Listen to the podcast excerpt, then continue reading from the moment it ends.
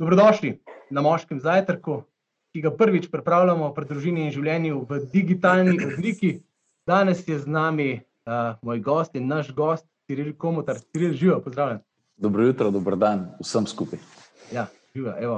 Veš, tole je digitalno ogromno decev uh, zbranih, ampak ko smo mi to zbrani v živo, pa da mečkim povemo o zgodovini moškega zajtrka. Uh -huh. uh, se pravi, pred 20 leti sta moja starša, Dani pa Vilma Siter, ustanovila to naše društvo, družina in življenje, začela delati z zakonci, preventiva, gradimo odnose, za katere je vredno živeti, pravimo. In um, smo kmalo ugotovili, da poleg zakonskih skupin, pa seminarjev, ki jih izvajamo primarno, je potrebno kdaj se tudi dobiti posebej deci, pa posebej žene in smo ustanovili ta inštitut moškega zajtrka, ki se je začel z nekako osmimi možakarji v domači hiši v Krškem, v Leskovcu, potem pa je preraslo v hotelu Krškem z stotimi možmi, tam nekje iz Grega Čušin, ta pa vem, kjer ga leta 2010. Pa potem smo imeli kar nekaj takih dogodkov, tudi s Francijem Petkom, pa z kakšnimi drugimi takimi gosti v Ljubljani, je bilo vedno preko 200 decev. Tako da dogodek ponavadi poteka tako, da imamo najprej en tak pogovor z gostom, kar bo zdaj le imela s Cirilom, mhm. potem pa seveda sledi tudi prehranjevanje, ker zajtrk ni tega zajtrka. In uh, tudi druženje. Tako da bomo zdaj v danih razmerah, v tej digitalni obliki, provali to nekako ustvariti. Upam, da nam bo uspelo, verjamem, da nam bo solidno dobro uspelo. Uh, Min grede, prijavilo se vas je preko 250, 260, skoraj. No. Tako da, evo, smo lepo zbrani. Um, pri družini in življenju imamo navado, da Ciril je rekel, da ga ne bo nič motil, da za začetek malo zmolimo. Ne? Tako da, kar dajmo v imenu očeta in sina in svetega duha. Amen. Vse mogočni Bog, danes smo tlele možakari zbrani pred teboj, tak pred svojim zaslonom, ampak verjamemo, da nas povezuješ ti. Um, pa tudi, če te še ne poznamo, le tlele smo, da bi ugotovili, kaj so take tiste naše moške vrline, ki jih lahko v sebi gojimo, da bomo postali boljši možje, boljši očetje, boljši delavci, v končni fazi tudi bolj zadovoljni sami s seboj, bolj pogumni. Um, ker to naš čas potrebuje, pogumne, pokončne moške. Uh, hvala, ker nam ti pri tem pomagaš. Kristus, našem Gospodu. Amen. Slava očetu in sinu in svetemu duhu, kako je bilo v začetku. Amen. Evo ga, dragi moji, to je to, Ciril, dobrodošli, živijo. Zdravo, dobro jutro še enkrat. ja, še enkrat, dobro jutro. Ja. Evo, pul sem vesel, da se nam je končno, da se nam je končno uspel tako le dobiti. Uh, hvala ti, da si pripravljen, evo, z lufta, da pokličeš uh, Benjamin in akcija.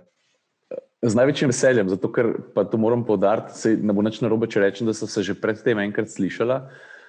Jaz sem zelo pogosto, uh, zelo pogosto se odzovem na kakšen intervju, ampak moram reči, da se zelo redko zgodi, da se nekdo tako temeljito, uh, vsestransko ali pa celostno prepravi tudi na intervju, tako kot si ti. Tako da, veš, tudi s tem raste želja, ko vidiš, da imaš na drugi strani človeka, ki je pripravljen nekaj vložiti na to, da se bo z nekom pogovoril čist prevečkrat so intervjuji ali pa to vrstni pogovori tako na prvo žogo, da ti je mogoče včasih kar mal žal, ker veš, da boš ti prišel sto odstotno pripravljen in želiš nekaj od sebe dati, ker si bo tudi nekdo drug vzel čas, um, da bo to gledal ali pa mogoče prebral.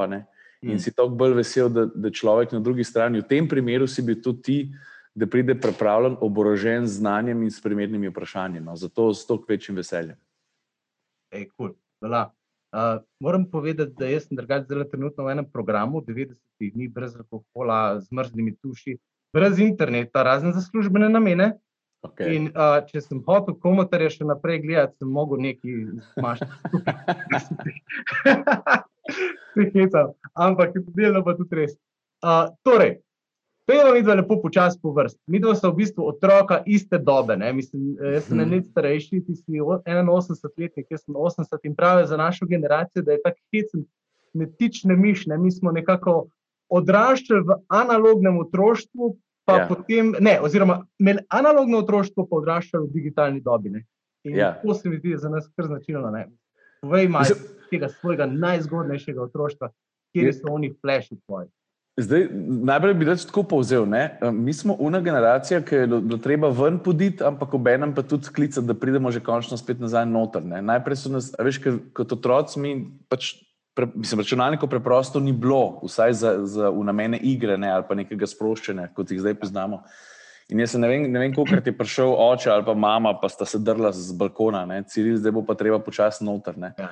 Ampak pa se pa spomnim jasno neke ločnice, ko je pa v hišo prišel računalnik, ki je bil v tistem trenutku samo moj, oziroma sta ga uporabljala še brata. Ne?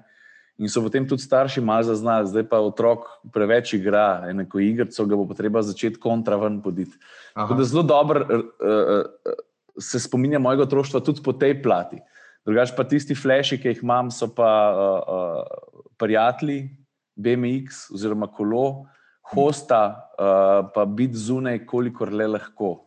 Do takrat, ko je skrajni čas, da pa res prideš noter. In to mladosti povezujem predvsem z biti zunaj, biti na luftu, pa biti s prijatelji. Točno to je. To, kar danes mnogim mulcem tako manjka, resno, ker ja. imajo pač močnejše tele. Ja. Jaz se spomnim tudi sebe, sem dobil eno igrico, uh, Fusbal je bil tak, res benigen, no, ampak tisti je bil cel svet za me. Pol je ja. prišla pa že Amiga 500 in edina igrica, ki sem jo špil, je bila Formula. ja, se spomnim tudi jaz. no, evo ti zdaj disketa, ja.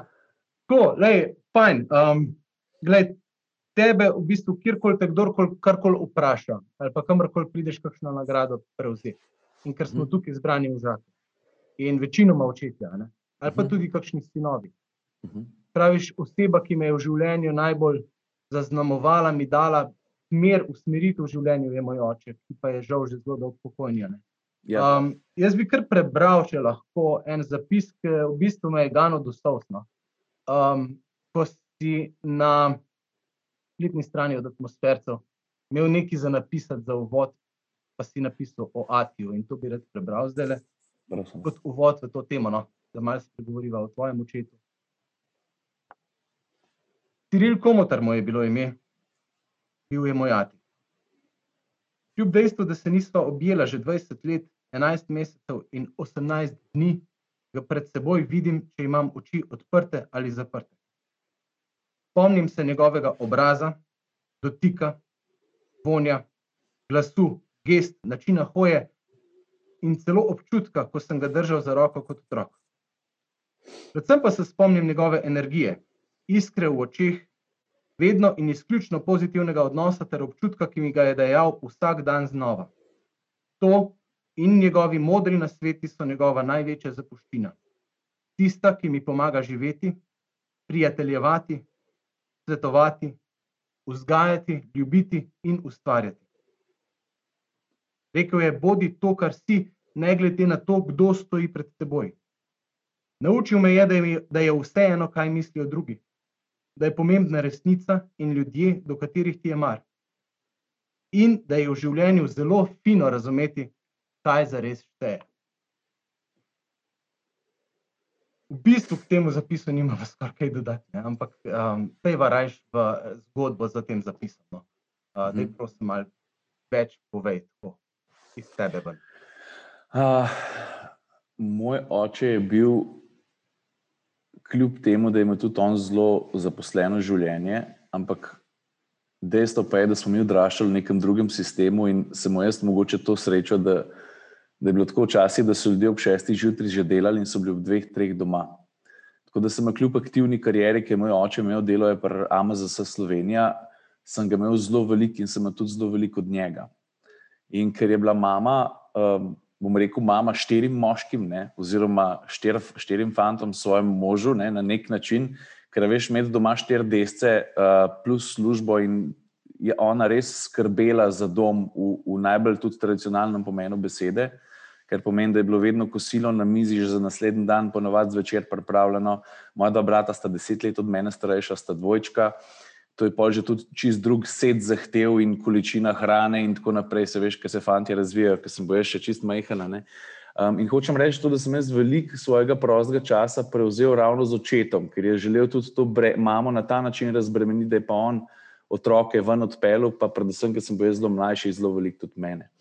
In jaz sem toliko prostega časa z mojim očetom preživel, oziroma zelo velik, že od rane mladosti. In jaz ti tako rekel, jaz se spomnim z prehodov, ko sem bil 3-4 leta star, ko smo šla do Bajerja, pa sem kamenčke noter metel in ta vez z mojim očetom je bila zelo močna. In vse to, kar si zdaj prebral, tako je Sauza prišla, zato ker je bil res izjemno pozitiven. Um, pa, mislim, prav neverjetno je, da se mi zdi, da ni dneva še danes. Že pa, jaz sem bil star konc 16, blizu 17, ki je umrl, ko se ne bi nam spomnil. In še danes vlečem iz njegovih, še danes vlečem veliko modrosti iz njegovih naukov, ki mi dejansko vsak dan pomagajo. Ne? Hm. Ampak tisti temeljni, temeljni nauki, ki sem jih dobil od njega in od mame, so res. Um, a veš, kaj je rekel, ni pomemben, kdo stoji pred tabo. Se mi zdi, da danes opazim pri pr, pr ljudeh, s katerimi imamo pravka, da če je nasproti, ali je to sestank ali pa na ključno srečanje nekdo, ki prihaja z neke visoke funkcije ali pa pozicije, da se takoj zgodi nek shift v dojemanju. To je pa zdaj ta direktor, to je pa zdaj ta človek, ki je tako ali tako uspešen. Jaz pa tega shifta sploh ne zaznam. Pač dejansko mi je popolnoma vse, in pa imam tudi za voljo svoje službe, imam, bom rekel, neke vrste privilegij, da, da se lahko vsake toliko časa srečam tudi z najbolj uspešnimi ljudmi na, na, na svojih področjih, znotraj tega okvira avtomobilizma, načeloma. A gre to za izjemno uspešne oblikovalce, uh, inženirje, ki jih zelo cenim, ali pa direktore celo velikih multinacionalk. In, in mi to ful pomaga, da za začetek imam jaz občutek in verjamem, da, je, da smo vedno na isti ravni ali je to občutek, ko grem v intervju ali pa sproščen pogovor. Ne? In to je en izmed nasvetov. No? Ali jaz govorim z nekom, ki ima mogoče na papirju, čeprav se to sploh ne verjamem, nek poklic, ki ne bi bil manj spoštovan, čeprav meni se to zdi grozno, ne? ker tudi neka čistilka, ne? ona ureja dom ali pa ureja nek prostor. Meni se to zdi zelo, um, mislim, meni se zdi čudovito. Ne? In se mi zdi ta služba nič manj pomembna kot nekdo, ki pač, ne vem, vodi multinacionalko s 500 tisoč zaposlenimi. Ne. In jaz, ko pač stopim pred tega človeka, teh razlik ne vidim in to se mi zdi čudovito. Ker prvič nisem nervozen, drugič pa se mi zdi, da se lahko s človekom na čist drugačen način pa prej povežem. No. Tega se jaz še počasi učim, no, moram priznati. Ampak, če to pride s tabo kot dediščina, ki si jo dobil od očeta, ne? Ja. Uh, ej, wow. Od obeh, pravzaprav. No, tudi no. moja mama je imela tako izkušnjo, da Ona je šla pri zelo mladih letih živeti v, uh, v Švico, ker je tam dobila uh, neko službo uh, hišne pomočnice in je tam delala pri enih najbolj uveljavljenih švicarskih draguljarskih družin. In sem jaz to srečo, da sem odraščal, da sem, bil, da sem lahko gledal tako, ker smo vsem živeli v enem razmeroma zaprtem sistemu in mi je bilo vedno fulfino videti, kako pa ljudje drugod živijo. Ne? In ta pogled mi je pa v večji, deli, da, v večji meri dala pa tudi mama. Ne? Da sem lahko odrasel tako. In, ja. in to se mi zdi ful, ful pomembno tudi za, za otroke, ki jih učimo. Hmm. Sem po domači rečen, noro dobro je, če, če ti uspeš vzgojiti otroka, ki ni zaplankan na noben način. Prihajamo do tega. No. Možje, zdaj pač tukaj imamo dece. Na ženskem zajtrku se, žensk, se bodo ženske z ženskami pogovarjale in mame z hmm. mamami. Ampak, recimo, če je vsem jasno, kako ogromno vlogo v sami vzgojnem procesu ima mama. Ne? Uh, se mi zdi, da zadnji čas prihaja precej bolj do, v spredje in tudi zgodbo, kot je tvoja, tudi ta neizmerna vloga in potreba po tem, da smo očetje zelo prisotni v vzgojnem procesu. Ja. In um, praviš, on ti je pri vzgoju tudi ali pa dal to tvojo ljubezen do avtomobilov, ki, uh mhm. -huh. ki, ki jo imaš, delal je prame za sebe. Jaz bom za uvod v temo avto. Ne, jaz jaz tako verjamem, da danes bomo govorili, seveda, tudi o plehu, ampak ne bomo plehka. Um, prav, um, v, v tem avtomobilu imam jaz eno svojo zgodbico za uvod, ki bi jo rad podelil. Uh, in sicer, evo, folk, tle si pogledajte. Tole je naš krški hofer pred kakim dobrim tednom dni. A vidite sliko? Um, hofer pred dobrim tednom dni. Ta bedna fotka, ni čisto nič posebnega, Govori sem to, da sem prišel noter, pa sem rekel, uh, žena, le jaz sem hotel kupiti rožice za tebe, pa jih ni bilo. In to jaz res sem zanč naredil. Uh, Prijem domov, potka, le ljubi rožice, sem ti hotel kupiti orhideje, imaš že dosti, drugih pa ni bilo. Pa prav punca, ja pa so, le tam dol so oni lušni kaktusi mali. In jaz rečem, kva, a to bi ti imela, ok, ni problema. Ne? In naslednji, eh, če zdaj pa hitro, jaz dam tebi nazaj. To, enkrat bo pa to. Kak ti pa jaz podam hosta zdaj?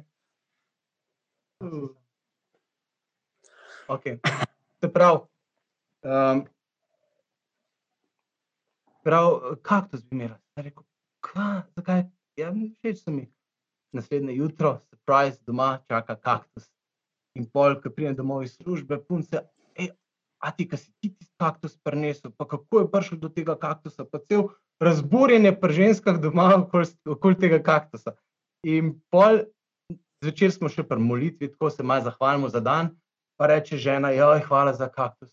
In moj mali sin, kot dve leti pa pol star, reče, a ti, kje imamo citroen kaktus? To je edini kaktus, ki ga on sploh pozna v lifeu. Mislim, kaktus kot rožna za njega niti ne obstaja. Ne? Da, naš mali, mi dva smo hodila po, po, po kempu dol in zdaj letos je bil star točno dve leti za, na morju. Vse znamke, on je dvigoval, on je dvigoval plahte na avtih, veš, kaj so zaradi borov. Ja, ja, on je dvigoval ja. plahto, pa gledal, ne, a ti Mercedes, ne, a ti Audi, mislim, noro. Noro. In, in v bistvu tako, no, jaz imam pač tri starejše punce, pa pol fanta, mhm. in onih treh pač to absolutno ni nas zanimalo. Žiga, pa prva beseda je bila brum, brum, brum. brum uh, je, je, jaz, bi tu, jaz, bi, jaz bi to želel poudariti.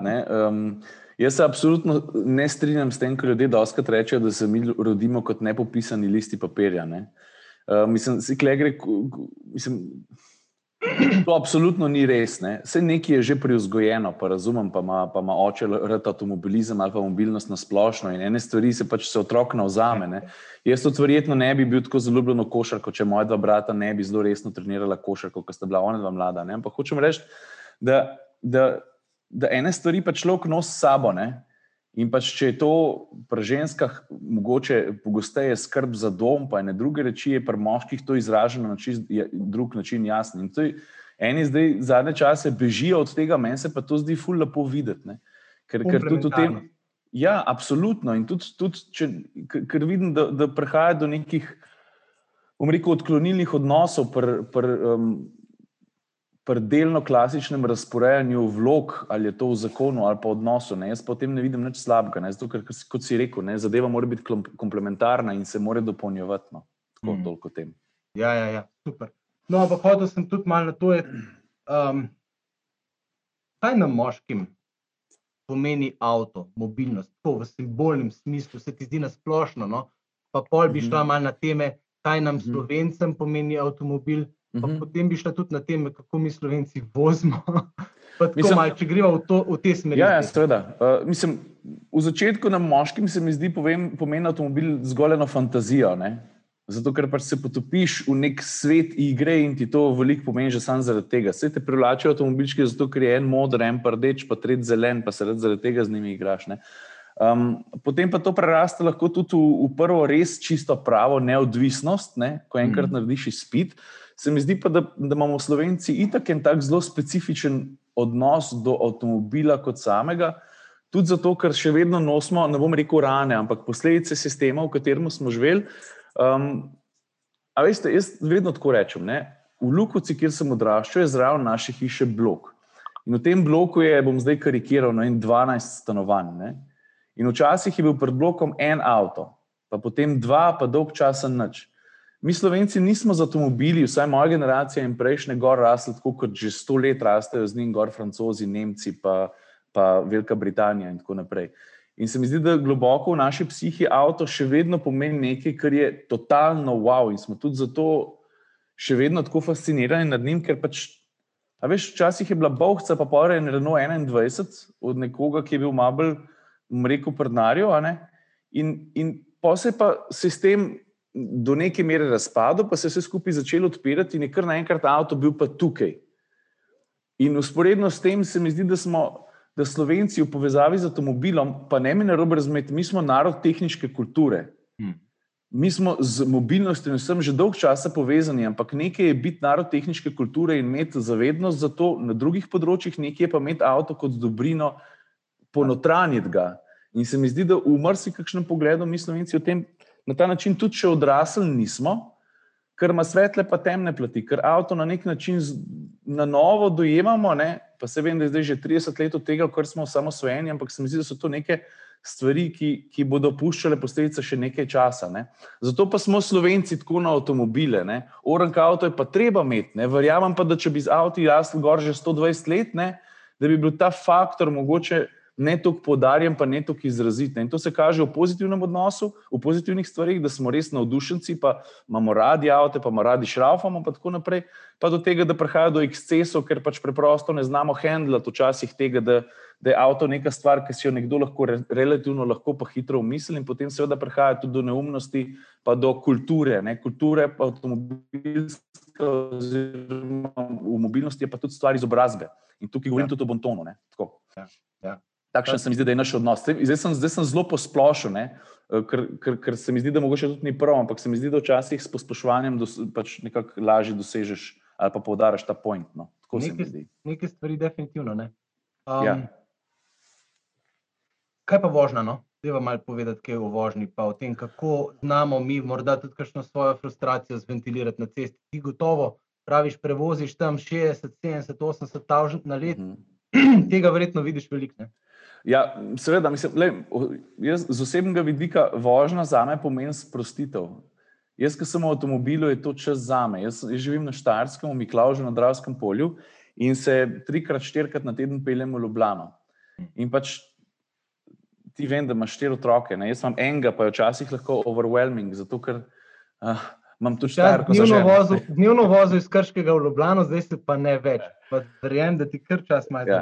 In, in ta ura v eno smer, in potem ura v drugo smer, za me pomeni izredno sprostitev in mir. Tukaj, tukaj jaz najdem, tukaj mi nihče nič ne more. In mi zato avtomobilski kokpit lahko pomeni veliko, zato ker je not dober dizajn, pa so napredni sistemi noter, ampak tudi zato, ker ko, se, ko enkrat zaprem vrata, imam čas, da se umirim da razmislim, konec koncev, da je to tisti čas, ko rečem, končno, zdaj bom pa poklical najboljšega prijatelja, pa se bom midva zmenila za en tisti pir umeru, ne da mi ta mala pomen leze ali pa tako naprej. Ne. Ali pa da jaz morem malo pojamram, pa on me malo pojamra, da se malo tudi tako poveževa in tako naprej. No. Hm. Tako, hm. to mi pomeni avto. Pa to mi pomeni vožnja. Ne. Da ne ja. govorim o tem, da mi vožnja pomeni že z vidika vožnje lahko zelo veliko. Ne.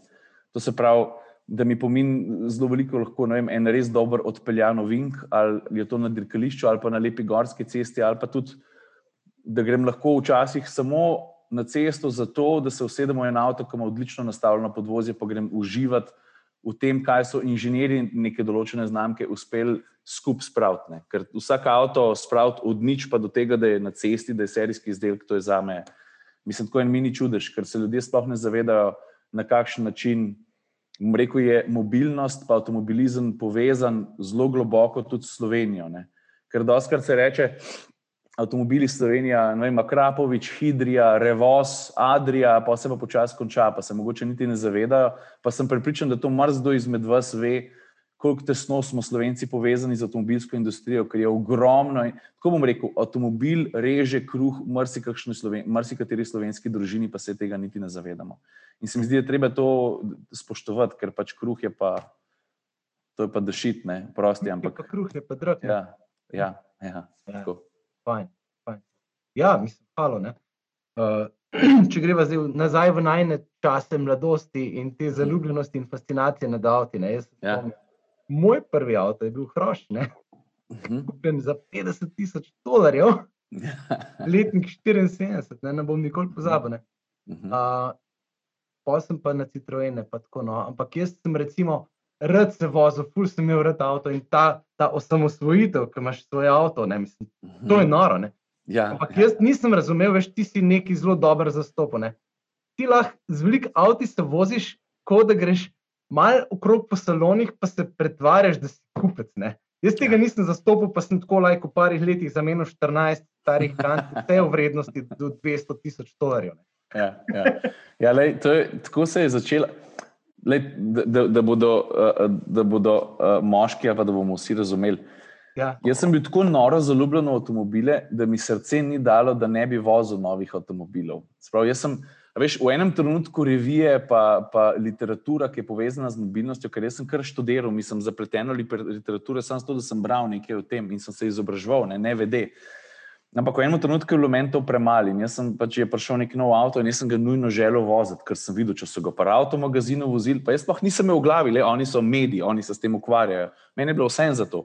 In sem potem šel pač do različnih avtomobilskih proizvajalcev in v salone in sem pač se pretvarjal, da sem kupec, čeprav v resnici tudi približno nisem imel denarja. Ampak sem si mislil, da se testna vožnja, pa spet ni teh bav, bav, da se jo ne bi dal dobiti, ne, ali pa prosto za testno vožnjo, in to je pol na koncu. Ne bom rekel, da se je izrodilo, ne. ampak moram reči, da sem imel potem že zelo prefinjene taktike. Da če sem želel pelati Porsche 911, da sem šel najprej na Mercedes. Pa sem si tam dobiti Mercedes za E, da sem jaz prišel na Porsche dealerju v stilu.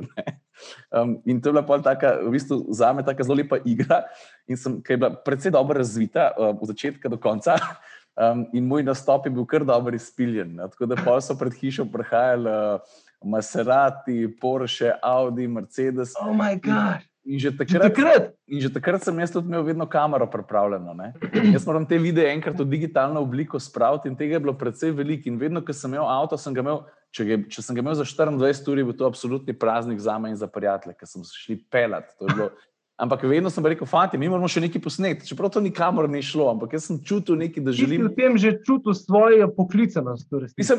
Ja, zato ker rad ustvarjam. Ali ustvarjam rad z besedami, z fotografijo, z videom ali, ali, ali s pogovorom z nekom, se mi dva zdaj tudi ustvarjava neko zgodbo. Ne? Oziroma, veš, um, ki bo mogoče kdo nesel dalje.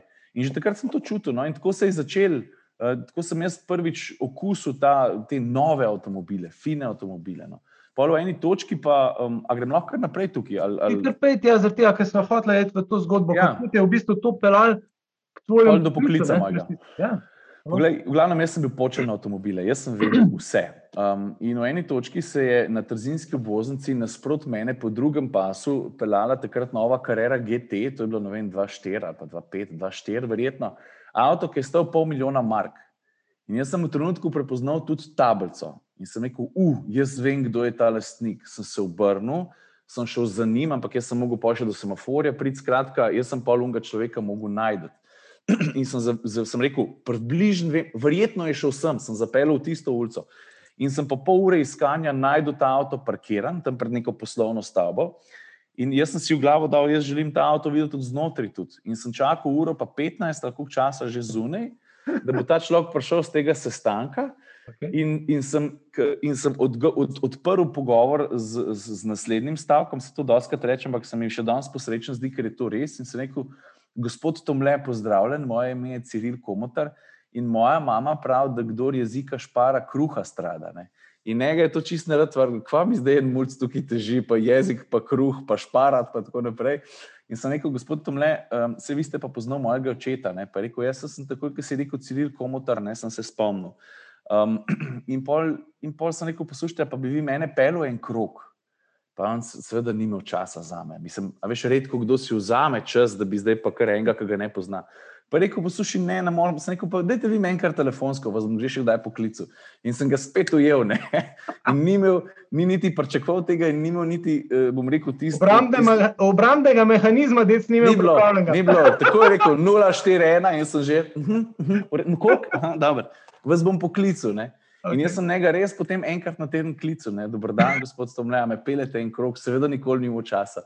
Jo. In pa po kakšnem mesecu, mesecu, pa pol je rekel, vmes, ali pa mogoče še več, dva meseca, on je pa že avto vmes prodal. Ampak nima veze. En trenutku je rekel, pa dober človek, pa kaj ti delaš v lifeu? No? Veš, tako, zakaj me skozi kličeš? Pa nisem bil tako annoying, ampak vedno zelo spoštovanje, pa tako, a imate čas, nimam poredo naslednje. In pa je rekel, veš, jaz sem pa drugač, med drugim tudi na avtomobilsko revijo, ker me je nekdo nekaj dolžen, pa uh, je on pa prišel do te revije in se je s tem tudi ukvarjal, se ukvarja s tem še danes. Avto in šport, kaj je? Ja, avto plus šport je bila to revija. Pa sem rekel, res tega pa nisem vedel, ker res nisem vedel. Jaz sem pač hotel se s tisto kariero GT pelati, vse vse. Pa je rekel, pa, do, pa, pa um, prav je zaznal entuzijazem, ne, pa, rekel, ja, pa ti znaš, ja. mi je hotel nekaj dati, ne, ker mu je bilo nerodno, da mi ni pel z avtom. Pa rekel, pa znaš ti pisati, ali pa kaj? Sem rekel, ja, spisi smo pa vedno pet.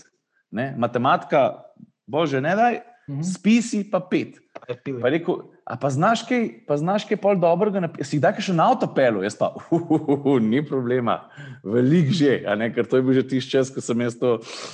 Um, Igra si imel že upeljano, ja. Ja. In, in pol je rekel, ena zdaj do naslednjega torka mi napiš kaj, si pelu, napiš eno stran pa stran pa pol. Sem rekel, ni problema in se še zdaj spomnim.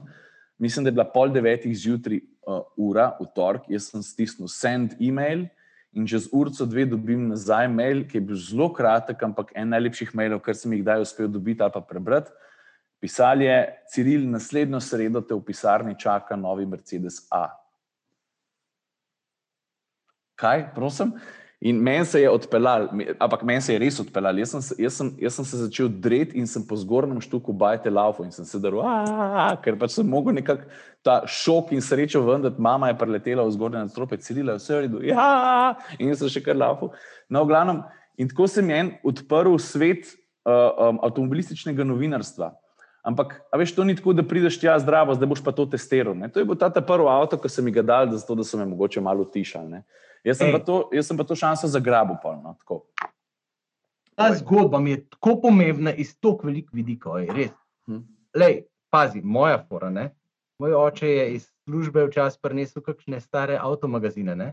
Jaz sem to tudi požiral, Martin Česen in to, to, to so bili uno idoli. Peugeot 607, pa Citroen Linjaš je bil tisti koncept na avto, gor pri meni na plakatu.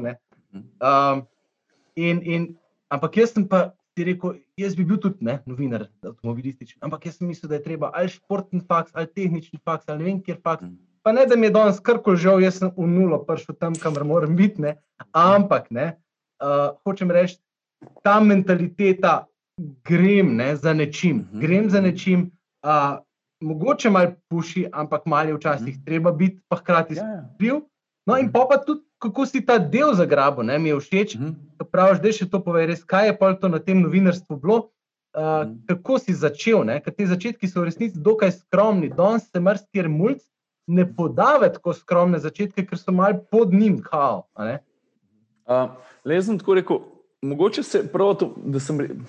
Mogoče sem rekel preveč, ko sem rekel, da sem stopil v svet avtomobilskega novinarstva. Ne? Zato, ker, veš, biti avtomobilski novinar ali pa se prebiti do tega, da ti na redni bazi uh, dobivaš avtomobile, se z njimi voziš, v njih pišeš. Pač to je zelo zaprt krok. In, in jaz sem se tega zelo hitro začel zavedati.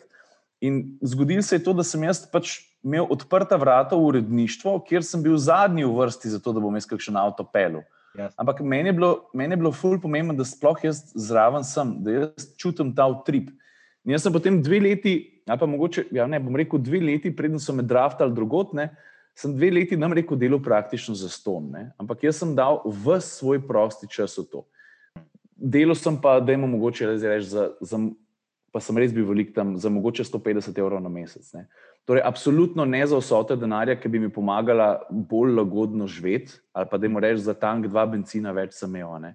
Ampak hočem reči to, da jaz sem se zelo zavedal, ali pa meni je nekaj tukaj noter gnalo. Jaz sem vedno imel, sem, sem, sem imel službo, sem imel delo in sem nekam hodil v to službo, zato da je nek denar sem imel, da sem lahko imel se več za benzin, da smo šli lahko s fanti na morje, da sem šel lahko na, na, na to uno tretje, ne? da sem mhm. lahko normalno živel. In jaz sem dve leti delal za praktično nič in sem se ob enem zavedal, da sem v neke vrste privilegiranem položaju, ker sem že takrat se zavedal, da koliko moških si nekaj tazga želi, ker tudi vidim, kakšen je odziv, še danes je identičen, ko se prepeljem na basket, vedno z drugim avtomobilom, ker to pač je neka, neka želja, neka fascinacija. No, jaz sem pač dve leti samo bodi tiho, glavo dol, uči se, ker ne veš, mogoče imaš zadnjič tako priložnost. In jaz sem takrat prvič v življenju prijel sodoben profesionalen fotoaparat v roko. In kadarkoli bo treba kaj poslikati, jaz bom. Kadarkoli bo treba avto vrniti ali pa prevzeti, jaz bom. Kadarkoli bo treba iti avto prat, avto um, urediti, avto predati. Um, napisati, jaz bom, novička, jaz bom. A ti je všeč novičko? Meni men res ni bilo takrat, da bi šel pisati novičko o nekem viličarju, zato ker je pač ima neko, nek nov sistem, eh, varnostni ali pa kaj pa jaz vem kaj. Ampak jaz sem, se, jaz sem, jaz sem v tem tako zelo užival in nekako sem videl luč na koncu tunela. Moram podariti to. Um, ja, jaz pogosto slišim, da ljudje bi. Tako bom rekel, po telefonu smo mi govorili o tem. Ne? Ja, veš, tudi vrhunski kuhari imajo vajence, ki delajo praktično za ston. in se ob tem zavedajo, da bodo domov odnesli ne evre, ampak bodo odnesli znanje in izkušnje, ki jim bodo pomagali živeti ali pa vzdrževati družino in sebe. Ne? In pač v enem trenutku je treba v life odkrišno stvar tudi riskirati. Jaz sem bil tako srečen, da sem se že takrat tega zavedal. Mej poštimanje osnove, pet nekam, da zaslužiš nekaj denarja, pa pa daj svoje srce v to. In Pač jaz sem bil vesel, da je potem nekdo drug opazil ta moj entuzijazem, nekdo drug z resnega medija, ki je imel prostor za novinarja, ker avtopošport je že takrat, pa še zdaj je tako zelo majhno uredništvo, ne, z nevelik član in to ni zdaj, ker klemaš službo, zdaj pa se ti ukvarja z avtomobili, ne, to hočem reči. Mhm. No, pol pa, pol pa 2-6, pardon, 2-6, Me pa potem draftal, jaz temu rečem, Miha Merlak, danes urednik avtomobilnosti. No. Um, prej pa takrat je bil pa delo na Siolu, sprav spletni star Siol, stran Siol.net, oddelek avtomoto. Je pa rekel, poslušaj, vidim, kako mi je všeč, da se vedno. Jaz sem še vedno na glavo metal. Veš, kot doskrat imaš, pr, to je pri katerem koli poklicu, imaš ljudi, ki delajo samo zato, da naredijo, imaš pa ljudi, ki delajo zato, da je res dober narejen. In jaz sem bil tiste vrste človek v sklopu avtoprošporta. In potem je Miha Drafter rekel: Poslušaj, bi ti želel prijeti na Siol. Ne? In že tudi po dveh letih v tem fohu, tudi ko sem na Siol prišel, ne, je bil ta prvi moj članek eh, prav to o Viličarju. Ne. Nisem je takrat izdal nek, nekega Viličarja, ki se je imenoval Pivo. In to je bil moj prvi članek, in sem mislil, pa to kamar napele. Ampak pa se je pa zgodba začela odpirati in odvijati tudi prvič s pravim mentorstvom in se je nadaljevala do, do danes. No. Ej, noro. Praviš, in tam, tam si dobil spet eno tono izkušenj na Siolu. Ja. Da si pa v neki točki začutil, ne? Mhm. zdaj pa je začel snemati komu ter minuto. In praviš, tudi ti začetek tega vloga v resnici, ki je zdaj. Wow, 150 tavžnih sledilcev, pač prek vseh teh socialnih omrežij. Uh -huh. uh, mislim, to ni malo, ne? in bi rad malo tako na to vlogersko sceno šel. Ampak, uh -huh. Da mi povej, kakšni so bili tvoji občutki, kako si se odločil za to. Če pogledam prvo, komu ter minuto, to morda znal biti tudi jaz, ne, v tem smislu. Recimo, ne, uh -huh, uh -huh. Prav, ni, ni še nek presežek sama na sebi, ampak ne. si evolviral, se, ne, si se razvil. Ja, ja. In, in to je tudi še en princip, ki se ga lahko naučimo. Mislim, vse v resnici ja. je podoben temu, kar si zdaj govoril, ampak zdaj pa že na tem področju. Ne. Uh, lej, zelo preprosto je. Um, jaz sem začel vlogati več vzrokov, zakaj sem začel beležiti svoj dan skozi video, skozi video obliko in to zbirati in sestavljati in objavljati. Ne. Uh, primarno vzrok je bil to, da je meni manjkalo video ustvarjanja, tudi zato, ker se je zmanjšal budžet. In, pač sem, ja, in jaz sem takrat na Siolu, smo delali po ne vem, 50 videov na leto ali pa še več. Mm. In ker naenkrat tega denarja ni bilo več, meni pa to malo manjkalo. Druga stvar je to, da sem spremljal kakšne vlogerje oziroma ustvarjalce vsebino tujini, ki k nam vedno pride malo zamikamo vse skupaj. In sem, in sem nekako vedel ali pa čutil, da bi jaz to znal narediti, ker sem se jaz vedno na Siolu. Bom rekel, nisem bil klasičen avtomobilski novinar, ker sem poleg tega, da sem pisal, sem vedno ohranil tudi to, da sem fotografiral v bistvu v enaki meri in da sem bil da sem snimal videe, da sem bil pred kamero, za kamero, v montaži, da sem pisal scenarij, da sem oče sržijo vse, ker pač v tem uživam, to smo, že, to smo že vzpostavili. In v enem trenutku sem se začel zavedati, da jaz imam vsa orodja potrebna, da, zna, da bi znal sestaviti vlog ali pa da bi ga vsaj poskusil. Zato, ker pač vem, kako posneti, vem, kako izbrati vsebino in razumem, koliko, koliko enega materijala gre v video izdelek. Ker ti se moraš potem odločiti, ne, tako kot piše članek. Najlažje je članek napisati, pa vlog narediti. Ne moreš reči članek, napisati tri strani dolg. Pa pa ne seš to uredniku, pa prav posluši. Jaz želim pa enako količino informacij na pol strani. Pa pa ti začneš, oh, in takrat se ta pravi del začne, ne? ni se problema razpisati, niti mal. In isto je pri vlogu. In jaz sem takrat začutil, da imamo vse potrebna orodja, zbrana, pa izkušnje, pa znanje, da bi znal sestaviti uspešen vlog. In moram povedati tudi to, ker sem sestavil prvi vlog in drugega, tretjega, in verjetno še do sto. Jaz niti slutil nisem, da bi to sploh lahko bil moj, da bi lahko samo od vloganja živel, oziroma tem, samo to delal. Zato, ker pač jaz sem res izhajal iz tega, da je meni to fajn delati. Jaz nisem niti imel namena karijere graditi iz tega. In jaz se še zdaj spomnim, da mesec pa pol zatem, ko sem objavljal vloge, sem bil z enim kolegom, novinarjem in Matej iz Volana na kanalu Amaja oddajo, je rekel, ti, a ne bi bilo hecno, če bi ti enkrat pa lahko sam snemal s telefonom in delal to. In sem mislil, pa kaj je s tem človekom, pa ti si nor, to je ne mogoče, jaz sem pač novinar, to se ne da od tega živeti. Ampak pa se je pa zgodila neka taka prijetna progresija, da so ljudje zagrabili, vsebina je tudi rasla v tem smislu, da je postajal vlog ali pa video vse boljši. In v eni točki so se tudi na Sijolu mi zahvalili za sodelovanje, ker so pač mogoče niso toliko videli, da bi lahko bil jaz nek. Jaz sem komotar, videl, komotar minuto videl kot nek satelit nekega resnega medija. Razumeš? Se pravi, ja, vi ste ja, ja. tukaj, jaz sem pa tukaj in mi si pomagamo in gremo ja, ja. skupaj skozi to, bom rekel, medijsko vesolje. Ne? Ja. Um, in v enem trenutku, pač, v enem trenutku je bilo tako, da, zaključ, da se je zaključilo sodelovanje, takrat je bil pa trenutek resnice.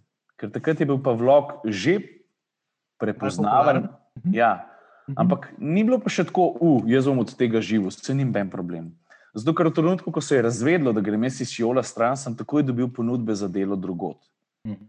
Zdaj pa v trenutek, ko se moš pa ti doma z ženo sedeti in reči, okay, kaj bo pa mi do zdaj naredila. Jaz sem imel tudi to srečo, pa privilegij, da sem imel stanovanski problem rešen. Ja, ja. In sem imel to srečo, da, da te osnovne stvari štimajo, da sem lahko pa sploh rekel: poslušaj, jaz bom pa probo. Jaz pa ne bom. Rekla, ja. Jaz pa ne bom sprejel, sprejel tiste službe, jaz pa rad to komu minuto probo. Takrat je pa pol pomembno, da imaš ti. Uh, močno podporo partnerja, ali pa da tudi ti zaupaš vase, pa v svoj instinkt in znanje in izkušnje, da boš to speljal. Zato, ker ni bilo nobene garancije, da če meni ne rata, da me še zmeraj neka služba čaka. Ne? Mm. In v tistem trenutku sem se jaz potem odločil, da bom šel v to zgodbo in to je to. Ti, um, ja, ne. Zmer, ki se predstaviš kjerkoli, ne, to mi je res všeč. In to je bil eden od momentov, ko sem jaz rekel pismo tega tipa bi lahko tudi prdižu ponudili za, za kak dogodek, ne ponudili v tem smislu, povabiti. Ja. Uh, ti zmer tam rečeš na drugih intervjujih, najprej sem mož, oče, ne? oziroma pazi, na, na komu ter minuti ti piše še partner. Ne? Ja, moram zamenjati. Veš, ko sem premalo žuren, mnogo več. Na neki točki je prišlo do poroke, ali imaš mogoče ja, ja. na to temo zapovedati? Vidva sta um, stino, tako malo odnos, zgodba vajna. Um, mi dva sva Ja, mi da smo dve nasproti, ki sta se našla dobesedno na pol poti, ker sem z Ljubljanskega konca, iz Lukovce pred Domžalah, rokovnjač. Um, moja uh, Tina je pa Štajerka in so se srečala na pol poti v celju. Ne. Mi gre tudi ona, bila ena od glavnih podpornic tega, da bi se vlog začel, zato ker pač je rekla: Poslušaj, če ne boš ti, ne, te pa bo kdo drugi. Sem rekel: Aha, ja. okay, tako je, ne. Ja, ne. A, te pa vredi. Ja, Ne, ga No, in uh, ja, eh, poročila so se, pa mi smo že, že dolgo časa skupaj. Mi smo skupaj od, spoznala smo se 2010, uh, oziroma 2009, in smo v bistvu, preden smo se poročila, uh, so bila skupaj že deset let praktično. No. Poročila smo se predlani. Um, se nam je pa zdelo, da, da so itak že predolgo časa odlašala s poroko, pravzaprav zdaj, ker nazaj gruntam, niti ne vem zakaj. Ampak v enem trenutku se nam je zdelo prav čudovito, da bi, da bi se poročila. No. Ja, ker vidim, da v mnogih videih to veš. Sama poroka, odnos, ko pač tako praviš, kjer imam tino noter, tam je tako folk pull gledane.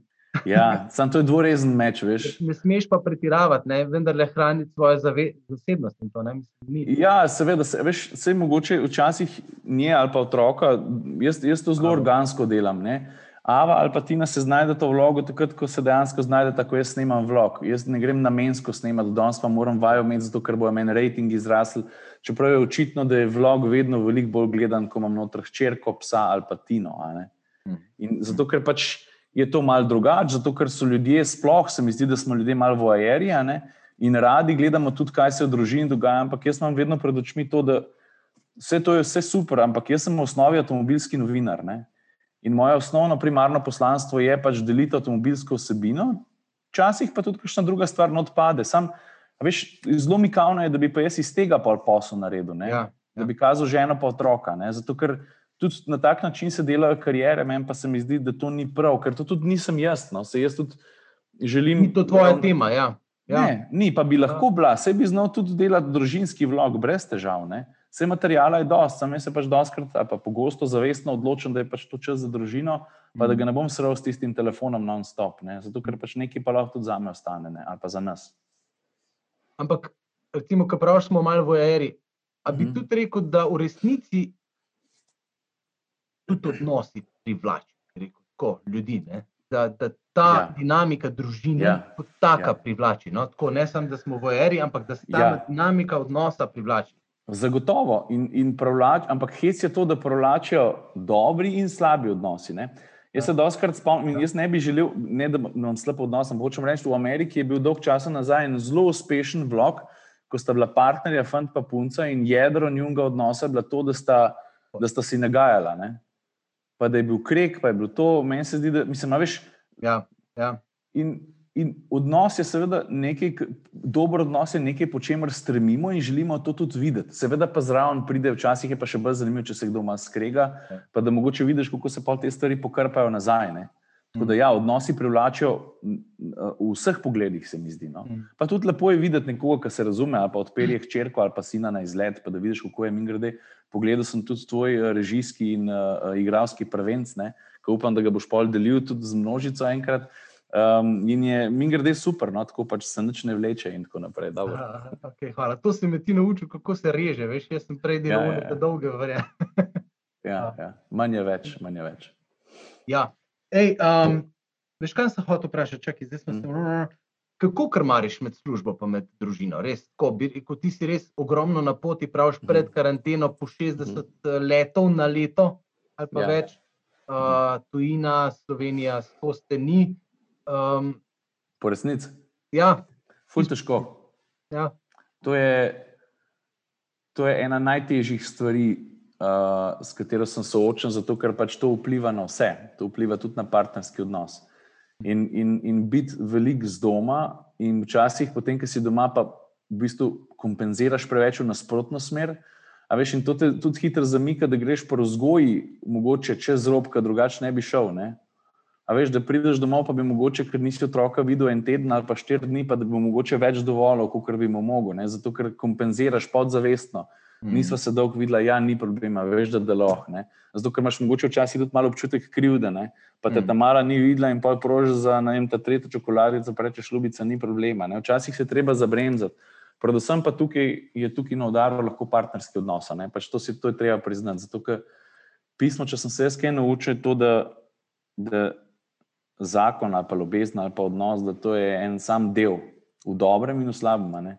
In, in, in zato, ker si mi rekel, kako se soočam s tem, pač težko. Zato, ker vidim, da, da, je, da je treba fulenga napora in nikoli si nisem to mislil. In zdaj se še bolj spoštujem to, kar sem videl doma, ne, mhm. pri svojih starših ali pa pri starših kakšnih prijateljev. Ne. Zato, ker je treba se truditi non-stop. Zato, ker zaljubljenost, to vsi vemo, mine. Ne. Če misliš, da ne mine, pol še verjetno nisi dosti skozi dal, ne, ali pa si bi mogoče enkrat zaljubljen, ali si pa zdaj le zaljubljen. Uh, ljubezen je pa pač, se mi zdi, da je to, da je to en, ena una glina, veš, ki se vrti, pa ni nikoli do konca oblikovana. Veš, če smo še med roke na njej, pa oblikovati, pa paziti, da se ne bo razvrtel, pa bo šlo vse v maloro. Um, tako da na tak način to gledam. No? Velik trdega dela, pa zavestnih odločitev za to, da pač odnos ostane. Ja. In, in pač ne morem reči, da gre vedno samo na gor, ne? zato ker mm. gre na gor in na dol.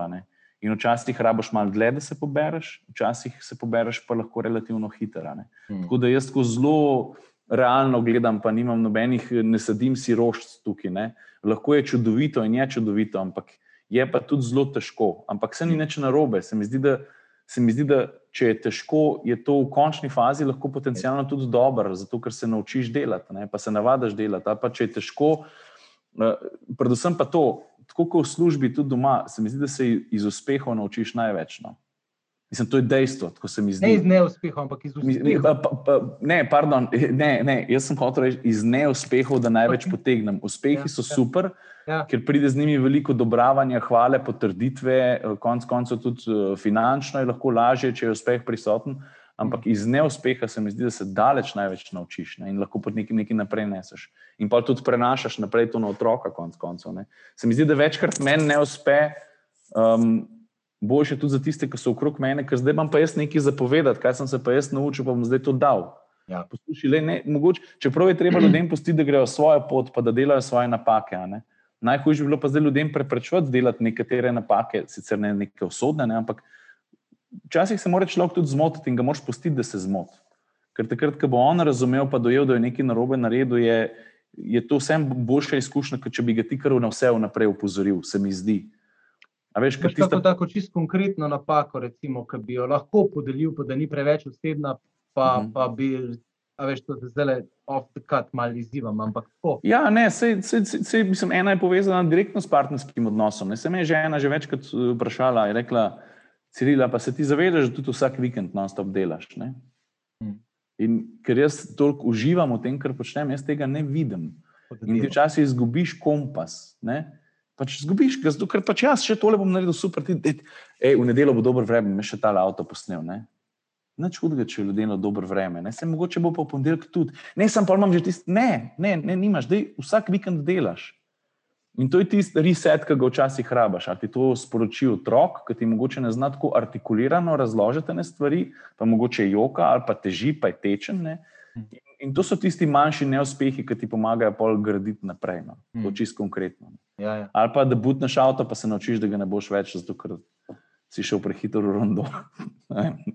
Naprimer. Uh, Pulj si mi dobro povedal, ko smo se zadnjič pogovarjali, si rekel, dober odnos graditi je tako težko, kot če greš vsak teden na Mount Everest. Tam ja. je res, res dobro. No?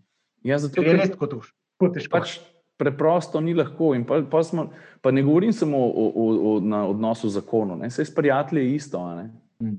In, to zdi, in to se mi zdi pomembno, da ne zgubiš tega. Ne? In jaz sem srečen, imam najboljšega, najboljšega prijatelja, ker, je, ker mi vedno in brez izjeme nastav gledalo. Ne? In pač to je, to je tako dragoceno, ker vidim, da doskrat ljudje nimajo, da so najboljši prijatelji pogosto tisti ljudje, ki, ki ti povejo to, kar oni mislijo, da bi ti želel slišati, ne pa to, kar je res. In to je, se mi zdi, največja napaka. Pač ti moš človeku vsak dolg časa povedati, kar mu gre. Pa se, bo, pa se bo pa že on moral soočati s tem, ali je to napaka ali pa neko dejstvo, in tako naprej. No wow. Ja, ja, pri teh odnosih se mi zdi, da je največkrat je res problem to, danes, sploh v partnerskih odnosih, no, da pač obupamo na hitro, ker mislimo, da ko ni več družben, pa, pa ni več v redu, pa moramo pa druge iskati bolj zelena, zelene travnike. Ali ne rečem. Mhm. Ej, fajn. Um,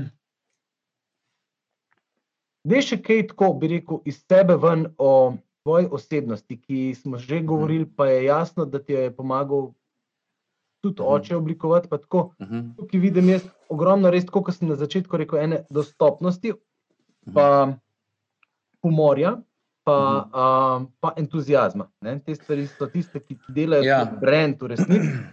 Po mi pa še nekaj na koncu povedi, pa že kar zdaj povem, kako uh -huh. pa ob tem vsem, ki si tako popularen, ne, uh -huh. uh, ostaješ down to earth, nekako prizemljeno, uh -huh. kaj rečeš. Lej, začetek, jaz sem takšen, kot sem zaradi očeta in mame in tudi njihovih karakternih lastnosti, ne, ker obema je mogoče malo sajen, kaj si drugi mislijo in se mi zdi, da do neke mere je to prav. Um, jaz sem v resnici en velik otrok. Pač jaz v bistvu sem full vesel, da sem uspel obdržati otroka vse. Zato, ker se mi zdi, da zaradi tega lahko razmišljam, ali pa da mi daje to možnost, da razmišljam pri enih stvareh malo bolj brez ukvirjev. No? In, in to se mi zdi full pomembno. Um, jaz, pač, jaz sem drugačen, jaz sem na hece, skozi. In to se tako ne neha. Jaz sem na hece tudi takrat, ker ne bi smel biti. Ne? Včasih je treba, poslušaj, zdaj pa to resna tema. Ne? Konec koncev, tudi ker sem res nervozen, se začnem smejati, ker je to moj prvi odziv. Um, drugač pa nasplošno, predvsem se mi zdi pomemben, um, zdaj sem se spomnil, pa že zanj smo o tem govorila. Um, eno življenjsko vodilo, ki ga imam in tudi tega sem dobil od očeta. Um, on se je ko se je upokojil, je vsem tistim, ki so prišli na to, umreko, zaključno slovesnost, pa druženje, je dal en tak majhen koledarček in na njem je pisal od, od, um, od Jurčiča, se mi zdi, življenje ni praznik. In tam gor je pisalo, da uh, ne kar veleva mu stan, kar mora to mož je storiti dolžan. In, in to se mi zdi na nek način ful lepo. Ne? In je tudi vso zvočil s tistim, kar sem prej razlagal. Ne? Da jaz ljudi ne vidim skozi, bom rekel, ali raso, ali skozi funkcijo, skozi to, kaj so dosegli v poklicnem življenju. Ne? Da pač ne glede na to, kje si, pa kdo si, ne pozabi, da si človek, pa da smo vsi smo enaki. Jaz res v to verjamem. In, in če imaš možnost, pa priložnost pomagati, včasih je to mehna, pa neumna stvar. Pa če si videl, da. Imajo v Črni gori pelati dve ženske. Ja, pa če sem videl na navigaciji, da, če oni dve, ne, jaz sem jih pel 4-5 km, jaz sem na navigaciji videl, da oni dve sta sami v gozdu in sem na navigaciji zoom out naredil, sem videl, naslednji kraj je 4-5 km stran. Vmes ni nič. pa vala, da sem ustavil. No, bi se pa brigal zase, jaz sem zdaj tukaj na testni vožnji, Porsche mi vse plača, imam hudega avto s 500 konji, s kolegom sem imel super in nisem ustavil zato, ker sem takrat snimal vlog, pa sem pa tudi to vlog dal. Ustavil sem, ker bi ustavil v vsakem primeru, tudi če ne bi nič snimal ali pa nič beležil tega. Ne. In se mi zdi, da je to ful pomemben. Pač, lej, se, veš, če imaš čas ali pa energijo, pa voljo, da polepši življenje sebi, polepši življenje kakšnemu drugemu. Ker tebi mogoče to zelo malo pomeni. Hm. Recimo, jaz sem vse čas obkrožen s temi testnimi avtomobili, ki so včasih res hudi, pa so stanejo 100, 200, 300 jurjev. In jaz se zavedam, da kljub temu, da sem že 15 let v tem poklicu, da da nekdo nikoli v življenju ne bo mogel sesti v tak avto ali pa dati na gas v takem avtu, sam na mestu, da sliši motor. In če imam čas, pa kdo pogleda avto, se lahko izvoli, odpri vrata, vzam si spomin, naredi sliko, a te jaz slikam. Ja, ja. Doskrat hočejo ljudje z mano slikati. Jaz se mi zdi, da so to majhne stvari, ki te nič ne koštajo. Zdaj, če nimam cajt, ne bom tega naredil. Če imam pa 15 sekund, izvoli, odprem vrata, poglej si avto, naredi sliko. Kaj vem, da bo prijatelj povedal. Jaz sem tak, Jaz imam eno tako ideologijo, da sem najbolj zadovoljen, ampak se mi zdi, da bom izpolnil svoje poslanstvo znotraj svojega poklica, če bom jaz mogoče enkrat s svojim delom navdušil enega fanta, da bo postal inženir. Pa bom mogoče enkrat izumil nek sistem, ki bo pa mogoče kakšen življenje celo rešil. Vse ni veš. Hmm. Veš, to je ta butterfly efekt. Zato, ker sem si jaz. ja. Ker sem ravnal po svojem notranjem nagonu, pa sem začel ustvarjati vlog, pa sem naredil enega navdušenca s tem, ali pa zato, ker sem enkrat enemu fantu odprl vrata v Porsche, pa sem ga pelil en krok.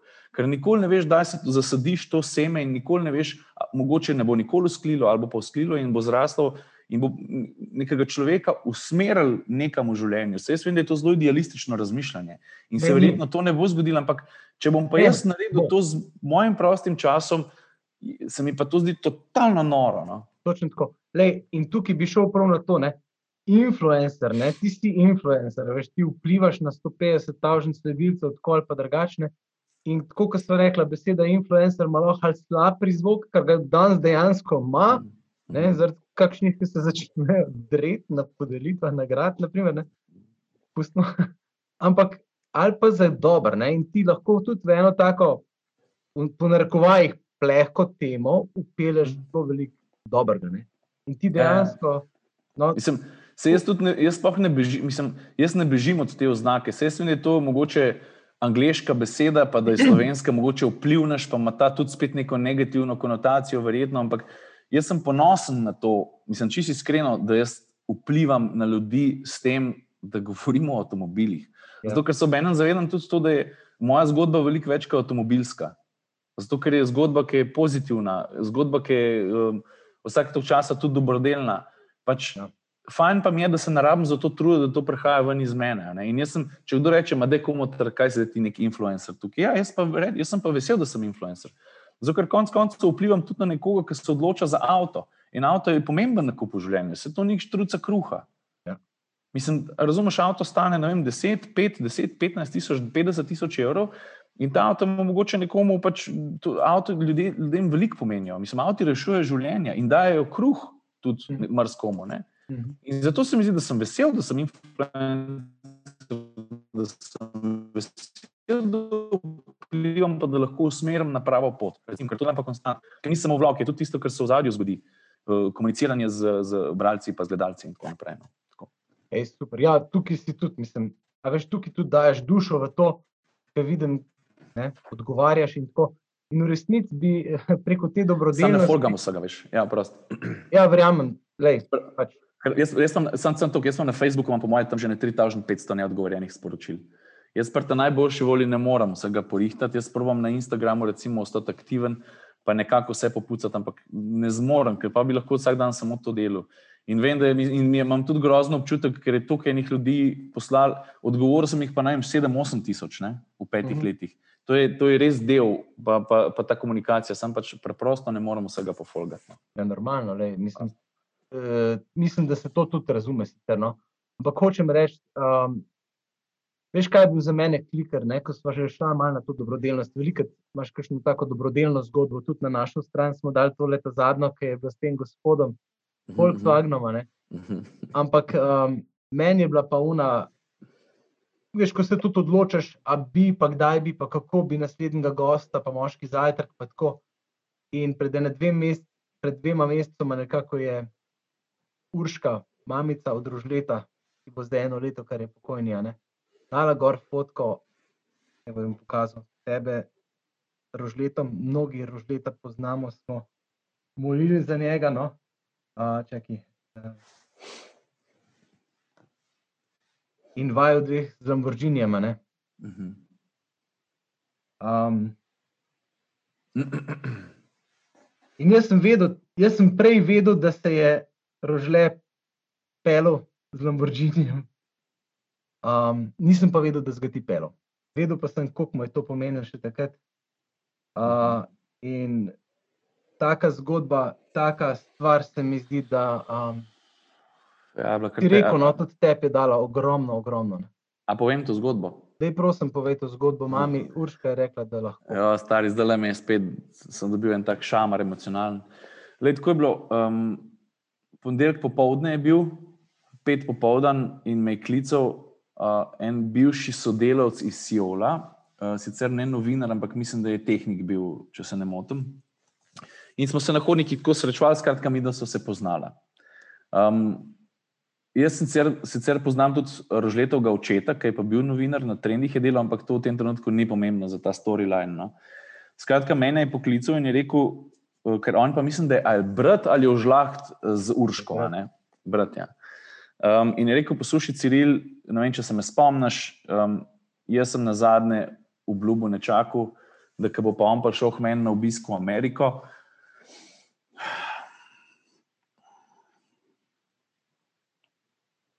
Da, bom, da sem mu obljubil, da, da ga bom pelil z Lamborghinijem. In takrat je on slutil, da pač režle nikoli ne bo mogel priti v Ameriko. Um, zato, ker so se stvari tudi začele slabšati in tako naprej.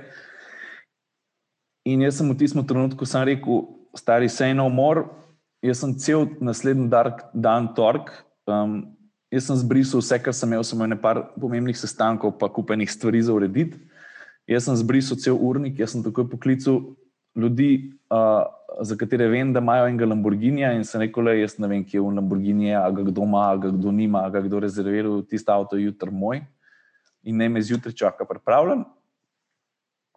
Sam sekundom idej.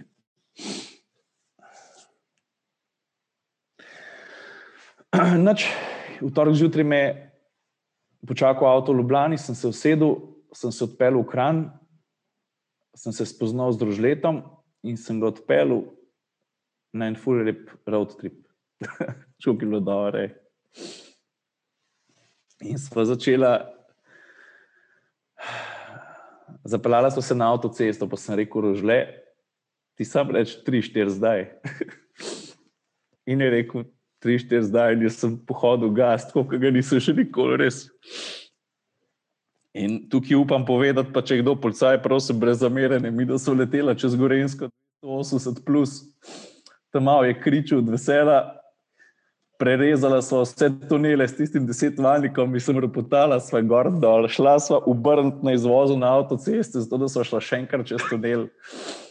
In pa so šla na bled, in so parkirali tisto avto, in vem, da so parkirali pri tisti hokejski dvorani, oziroma pri drsališču dol. In glih tisti dan so imeli otroci uh, nek športen dan. In je bilo vem, iz glave, govorim, 5-6 avtobusov, 300 otrok. In ravno v tistem trenutku so se otroci. So šli proti avtobusom, in to je bilo, vsi so bili zunaj, mi smo se dol, pripeljali s tistim Lamborghinijem, pa ropotava. In otrokom, jaz sem dal šipe dol in, sva, in jaz pogasil, in otroci so obkolili tisto avto. In jaz ti ne znam povedati, kako se je leto fajn zdelo, mislim, da je bilo noro. Ljudje so začeli prihajati z lokalov, kaj se dogaja, kdo tukaj je pota, otroci so se drli, mislim, usmejali so si, tam je bil poln življenja, mislim, tako lepo je bilo. In po enem trenutku je bilo meni že nerodno, ker sem res tako fejsor potala s tistim avtom. In sem rekel, se zdaj pa do, zdaj pa morva in režle mene, te Ciril, dej še enkrat, da vas za njih še malo zaropotati. Mislim, to mi je bil najlepši moment. In sem rekel, a še enkrat, ok, da vas še enkrat in sem še enkrat dal ler in pogasil, ker to res poka, pa to si razgrajaš.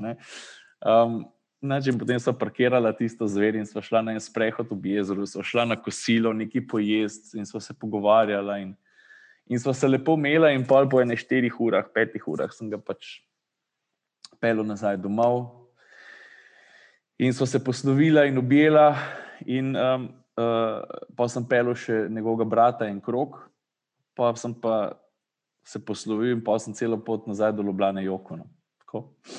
Sem pa vmes tudi, sem pa vmes tudi uh, snemu in sem en vlog posnel samo za njega, tako pač čist kratek, ni bil prav vlog, vlog ampak en tak kompilacija posnetkov z eno tako lušno musko najmanjega doživetja s tem Lamborghinijem, vključno s pospeševanjem na avtocesti, s tem, kako so naj otroci gledali in tako naprej. In pa sem mu jaz ta posnetek dal in sem slišal, da so ga še zelo velikrat pogledali v spomin. No. Um, nisem pa seveda nikoli tega z eno fotografijo ali pa videom kjerkoli kazal, zato ker se bi se mi zdel grozen, da bi jaz gradil na svoji javni podobi s tem, da bom, ker jaz vem, kako bi bilo to privlačno, nekomu trpelov otroka z Lamborghinijem. To je pač vsebina, ki bi bila zagotovo viralna, ne sami na misel ni prišlo, da bi, da bi to kjerkoli sploh komuniciral. Um, in to je ta moja zgodba z rožletom. No you made his life and he made yours. Ja, veliko sem odnesel od tega. No. Jaz sem pa sam vesel, da sem bil mogoče lahko čistko gledano, um, sebično. Ne. Zelo veliko sem jaz dobil od njega, no, se mi zdi. Zato, ker še zdaj se spomnim, ko smo sedeli v avtu, pa mi je razlagal, um, ja, pa še izpit za kolo bom šel delati, pa to bom še. A veš, on je bil poln planov in tako. In, in ta mindset mi, mi je zelo velik dal. No. Um, jaz sem pa vesel, da sem mogoče mu omogočil en del enega dneva, da je mal pozabil, pa da je pol tudi nek spomin dobil, pa da si je še kdaj tisti video pogledal. No. Pa verjamem, da ga še danes zdaj pogledajo doma, tako malo spomin. No, no tako. Ja, uh, Pul močna zgodba, no, ki kaže na to, kako smo vsi dragoceni, kako smo vsi mhm. pomembni. Uh, ko rožletovo zgodbo poznam, globino, kar se tiče vere, ne vem, kako veliko vlogo je tudi ta imela v njihovem in njegovem življenju. In vsa ta entuzijazem in, in ta mindset in vse to dejansko tudi tukaj ven izvira. In uh, ja, jaz sem pripričan, da rožlet tudi zelo uživa, ker to le razlagava. No. Um, ko, um, ostanimo, ostanimo otroci. Jezus je rekel: mm. Takih je nebeško kraljestvo, če ne postanete kot otroci. Mhm. Um, in zdaj bomo kot eni otroci, je cajt, da se gremo vsi skupaj en tak fajn unboxing. Ne? Kdo gleda tvoje vloge, ve, da pač ja, ti kot influencer dobiš veliko enih takih stvari. Je, yeah, baby, žakari, kje imate? Prav, primoš, robi. To je to. Kje imaš, Ivan, bravo. Mim grede, for the record, fulje čudno gledati svojo faco na škatli. Ja, ja ste verjamem, stari. Sem te hotel vprašati, pa sem pa rekel, ne, mogoče bo rekel, da ne smem. Ne, ne, ne, ni panike, sam jaz še kar nisem navadil. Ker... ne, moš priznati, da je kulno. Ja, ja, zelo kul je, neč ne ja, rečem. Ja, ne, ne. Fante, dajmo tri, štiri, zdaj, gremo. Pa ponovadi nisem pripravljen z nožem, danes pa sem. Ne. Kaj sem ti jaz povedal, drugače? Ja, to, točno to je. Pa nož prstim. Ok, te jaz čist, čist, čist točno še tudi sam, ne vem, ker nisem jaz tega sestavljal. Tukaj bi se naj, naj, najlepše zahvalil metodo špitalu, pa ženi in ekipi in naši Eriki in Zlatkotu.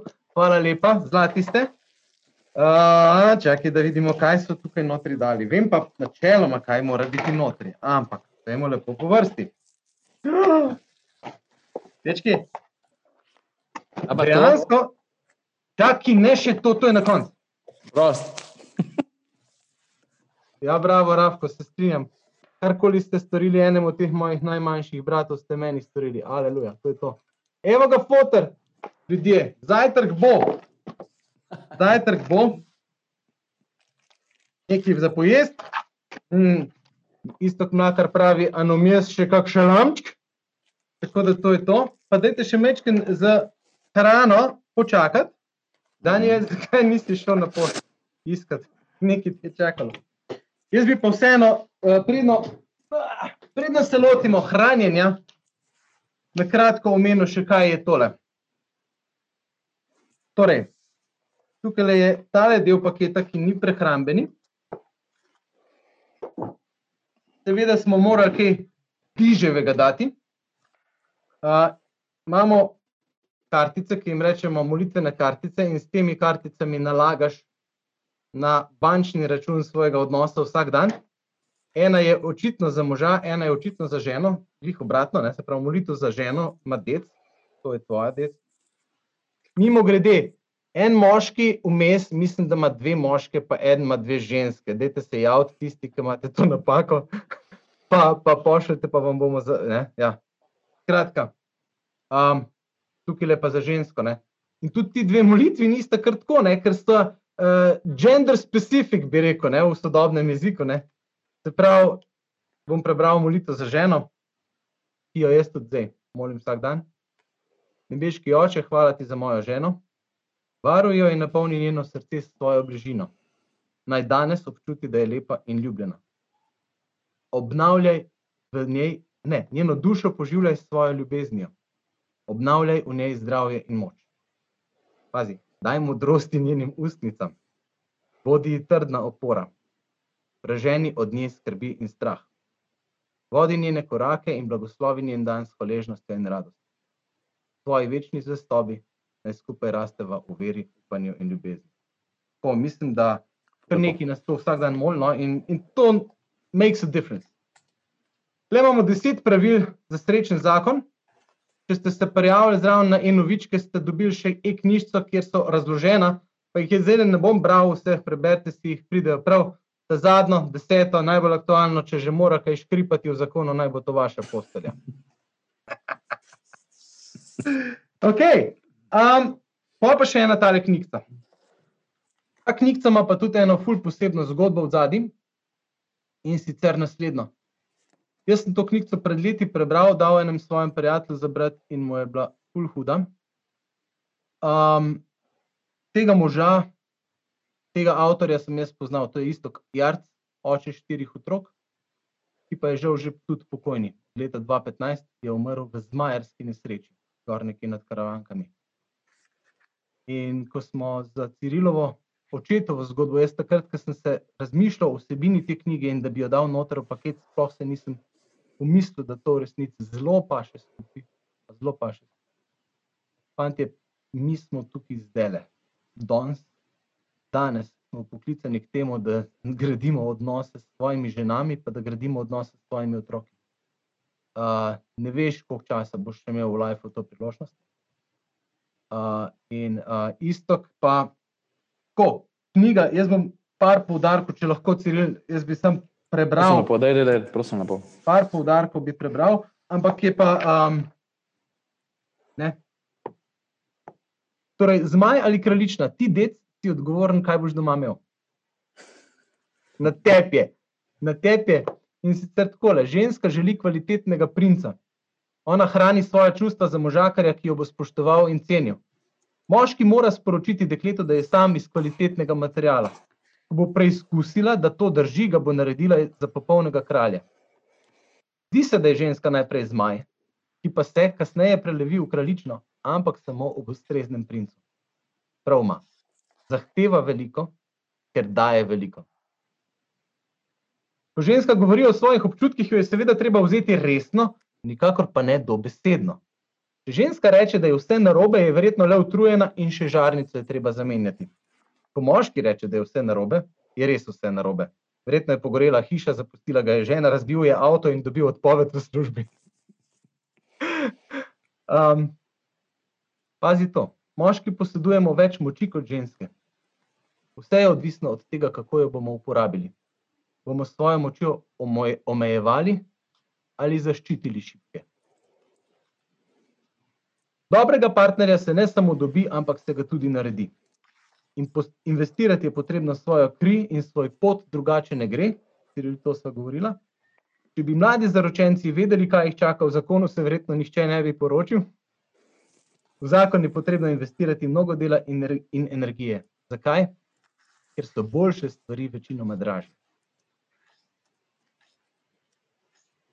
In, um, fantje, te ni veliko, ne se težko včasih kaj preberemo, ampak dajmo brati.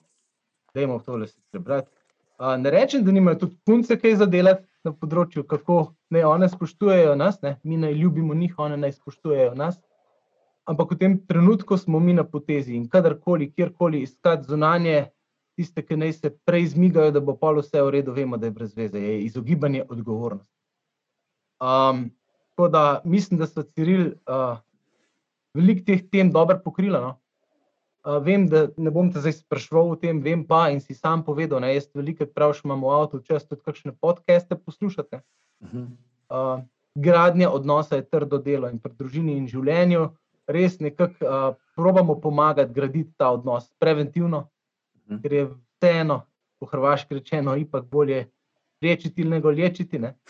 In ker je dejansko lažje vnaprej delati, kot pa za nazaj.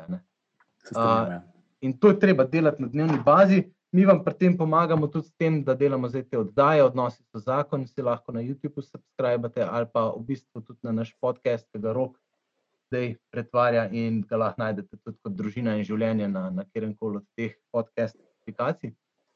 Um, Ciril, ej, mislim, da smo fajn. No? Dej, če imaš še kakšno tako zaključno?